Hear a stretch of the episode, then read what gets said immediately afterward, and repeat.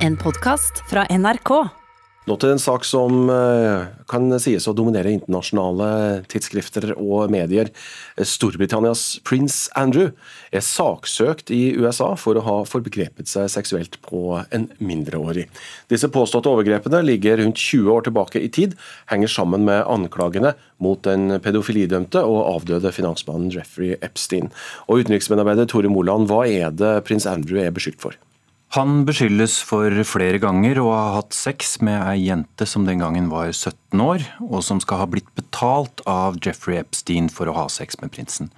Det skal ha skjedd både i London, i New York og på Jomfruøyene. Anklageren Virginia Jufrey er nå 38 år gammel, hun bor i Australia og sier at de rike og mektige ikke er fritatt for ansvar, at ofre ikke kan fortsette å leve i stillhet og frykt, og at hun ønsker rettferdighet. Så da har hun levert et sivilt søksmål mot prinsen i New York i USA. Og Denne saken ligger jo langt tilbake i tid, den har vært omtalt uh, over lang tid. Men hvorfor, akkurat, uh, hvorfor kommer søksmålet akkurat nå?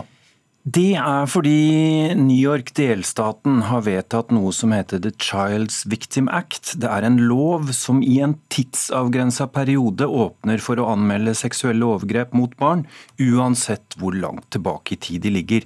Men fristen for å rapportere inn disse sakene er i ferd med å gå ut nå. Den går ut på fredag. Og advokatene til Virginia Dufree sier at de ikke har fått noe svar fra prins Andrew, og derfor velger de, velger de da å saksøke ham nå. Og Prins Andrew har jo trukket seg fra alle kongelige plikter i Storbritannia pga. sine forbindelser til Jeffrey Epstein, som jo har vært omtalt over lang tid. Hva sier han nå om disse anklagene og dette søksmålet? Verken han eller advokatene hans har sagt noe om dette nye søksmålet ennå, men i november 2019, som mange vil huske, ga han et famøst intervju til BBC Newsnight der han nekta for alt sammen, sa at det rett og slett ikke stemte. Det kom mange negative reaksjoner på det intervjuet, og det var også da han trakk seg fra alle sine rojale oppgaver. Og for de som eventuelt skulle ha litt problemer med å holde styr på det britiske kongehuset, så kan vi jo ta med at prins Andrew da er det nest yngste barnet til dronning Elisabeth, Tidligere helikopterpilot under Falklandskrigen, hertug av York og en gang i tida gift med Sarah Ferguson. Samtidig som alt dette skjer rundt prins Andrew, så er det gjort en, eh, en, annen Eller det er gjort en ganske solid utbetaling til andre ofre for Jeffrey Epstein. 138 av dem. Ja, det er da oppretta et fond for Jeffrey Epsteins ofre med penger fra dødsboet hans. Jeffrey Epstein var da altså denne amerikanske finansmannen med mange mektige og berømte venner som ble sikta for overgrep og menneskehandel med unge jenter, og som tok livet av seg i en fengselscelle for to år siden. Fondet for ofrene har nå utbetalt godt over en milliard kroner til da, som du sier, 138 ofre. Og samtidig sitter Jeffrey Epsteins eh, tidligere partner fortsatt fengsla i New York, tiltalt for å ha hjulpet ham med å rekruttere og misbruke jenter. Og hun eh, venter da på at saken mot henne skal starte i november. Eh, slett ikke noe punktum her foreløpig, altså. Tusen takk så langt, utenriksmedarbeider Tore Moland. Finansnæringa advarer mot populære norske finfluensere og deres råd om kryptovaluta. Det er påvirkere eller influensere som snakker om finans på sosiale medier, som TikTok, som blir kalt finfluensere. De blir ofte spurt om å reklamere for nye typer digitale penger. Og Tom Stovi i Finans Norge sier rådene deres kan føre til at unge risikerer den økonomiske framtida si. Nei, altså Hvis man går inn i dette markedet uten kompetanse, ja, så, jo, så, kaster man jo pengene i prinsippet blindt etter noe. Noen blir så gira på å ønske å bli rik at de f.eks. begynner å ta opp usikret gjeld for å følge rådene til finfluensere.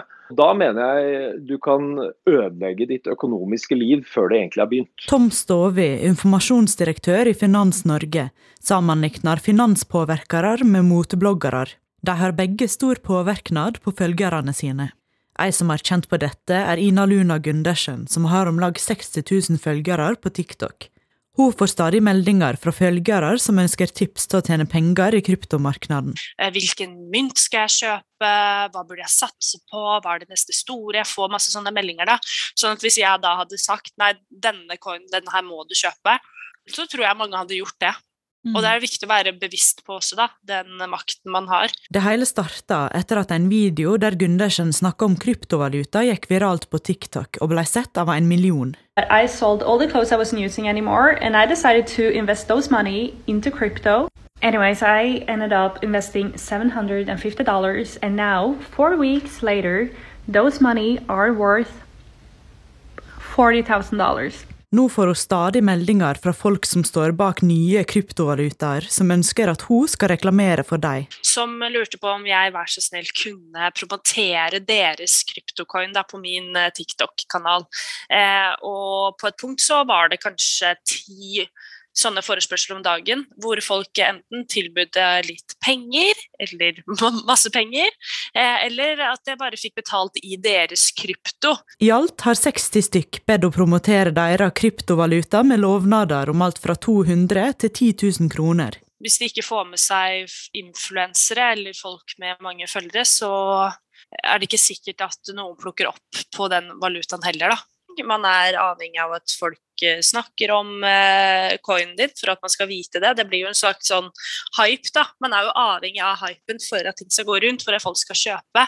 Eh, og det, det ser man jo generelt i samfunnet, at folk er avhengig av at influensere hyper opp produktene deres. Men Gundersen har takka nei til alle tilbudene. Hun mener at det ikke virker som ei trygg investering, når de er avhengige av å betale påvirkere for å få det til å gå rundt. Hun er også redd for at følgerne hennes skal tape alle sparepengene sine. Stovi i Finans Norge påpeker at det finnes rundt 11 000 forskjellige typer digitale penger. Han mener at norske finanspåvirkere til en viss grad kan hype opp nye, små kryptovalutaer, men at de først og fremst kan påvirke følgerne sine. Han ber unge om å tenke over dette før de investerer i krypto, etter råd de har funnet på TikTok. Hvilke motiver har disse finfluenserne for å gi råd om Eh, det de gir råd om? Er det for å berike seg selv? Har de kompetanse, eller er dette noe de driver med mest for gøy? Og Jeg mener det er bekymringsfullt, og her er det ekstrem risiko. Og Det betyr at du kan tape pengene dine, og du kan også antagelig tape alle pengene dine. Det sa Tom Stovi i Finans Norge til slutt i dette innslaget om finfluensere, som et ord du kan bruke i lunsjen i dag. Reporter Emily Louise Milland Eide. 'Fortellingen om tolv malerier' heter en av sommerens utstillinger på Folkemuseet på Bygdøy. Et eh, kjent og kjært utfartssted for mange, særlig i ferien. Utstillingen favner altså malerier eh, av den folkekjære norske kunstneren Ida Lorentzen, der de fleste av eh, motivene nettopp er henta på museet. Mona Palle Bjerke, kunstkritiker her i NRK. Vi får starte litt eh, med å si hvem Ida Lorentzen er. Ja, Hun er en kunstner som er født i USA i 1951 av amerikansk mor og norsk far. Og hun har sin kunstutdannelse fra universitetet i Boston. Og vi kjenner henne gjennom disse realistiske maleriene, som gjerne viser helt mennesketomme interiører. Stille studier av rom og lys. Og det er nettopp denne stillheten, og også dette helt mennesketomme, ofte helt uten spor av mennesker også, som gir disse bildene en spenning eh, og styrke. Og så lader dem med noe nesten litt uhyggesvangert og illevarslende, men også noe melankolsk. Og hun har jo da i dette, denne utstillingen så er det også mye tomme rom, men det er også da noen eksteriører og også et portrett. Så, men hun tar seg noen kunstneriske friheter her, da, for hun har da f.eks. sagt at i Johannes gate så syns hun at rommet var så klaustrofobisk at hun har lagt inn litt mer luft mellom eh, gulv og tak. Men dette kan jo være, virke litt rart. Altså, ja. Det vises malerier av historiske rom som man jo kan se fysisk mm. på stedet. Hva, hva, skal man da egentlig med, med, bildene?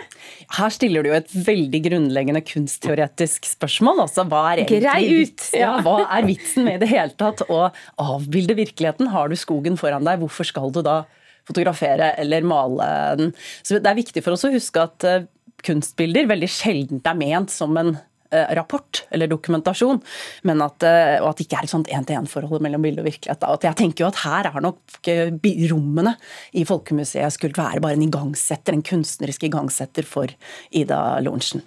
Og så maler hun da i sånn nesten fotorealistisk stil, som du kaller det. Men hvor god er hun egentlig som maler? Altså, Ida Lorentzens styrke er at hun har en utsøkt fargesans. Altså, hun har denne maleriske, levende maleriske bearbeidelsen og jobber seg gjennom hele overflaten med en intensitet. Eh, men så er hun svakere på eh, perspektiv og komposisjon. Det ser vi f.eks. i dette nevnte Johannesgate-bildet. At der hvor øyet vårt har nok informasjon oppe ved eh, taket og nede ved gulvet, hvor plankene danner disse fine linjene innover og definerer rommet for oss, så får vi rommet til å fungere. Men i midten så kollapser perspektivet. Og der blir på en måte dørkarmen liggende helt inntil veggklokken i bakgrunnen, f.eks. Og dette ser vi i flere av bildene hennes, at hun har litt problemer med å utligne disse optiske bedragene som oppstår når man maler og tegner, sånn at gulvet vipper opp eller at to store doble dører som er slått ut, vil komme til å overlappe hvis de lukker, eh, og sånne ting. Men hun har jo denne stemningsskapende evnen som er helt utrolig i måten hun bearbeider lyset. Og Her kan hun iblant være helt på nivå med f.eks. den store franske mesteren Chardin fra 1700-tallet. og sånne ting. Så hun har jo hun har en suverenitet i sin stemningsskapende eh, evne. Men noen ganger da med, så kommer det inn sånn litt forbløffende svakheter. Og jeg syns jo det er en veldig ujevn utstilling denne gangen, med kanskje flere svake bilder enn jeg har sett eh, før. Eh, og et av de svakeste er Raulandstua, altså en tømmerbygning fra 1238 som jeg syns er blitt helt kulisseaktig. Ser ut som den er lagd av plast. Så hun har ikke vært like heldig med alle bildene her. Men jeg elsker et lite stilleben der, som er da med et lite ampirbord, et toalettbord da med vaskevannsmugge og vaskevannsfat. Så hun har noen sånne helt eh, praktfulle, men der hun prøver de aller vanskeligste perspektiviske tingene, så kan hun støte på noen problemer. Ja, så en varierende utstilling, men det er en utstilling som folk bør få med seg? Det syns jeg absolutt, for Ida Lorentzen er en veldig viktig kunstner i norsk eh, sammenheng.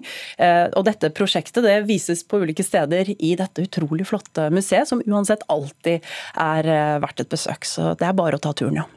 Takk skal du ha, Mona Pale Bjerke, kunstkritiker her i NRK. Og andre anmeldelser og anbefalinger kan du lese på nrk.no anmeldelser.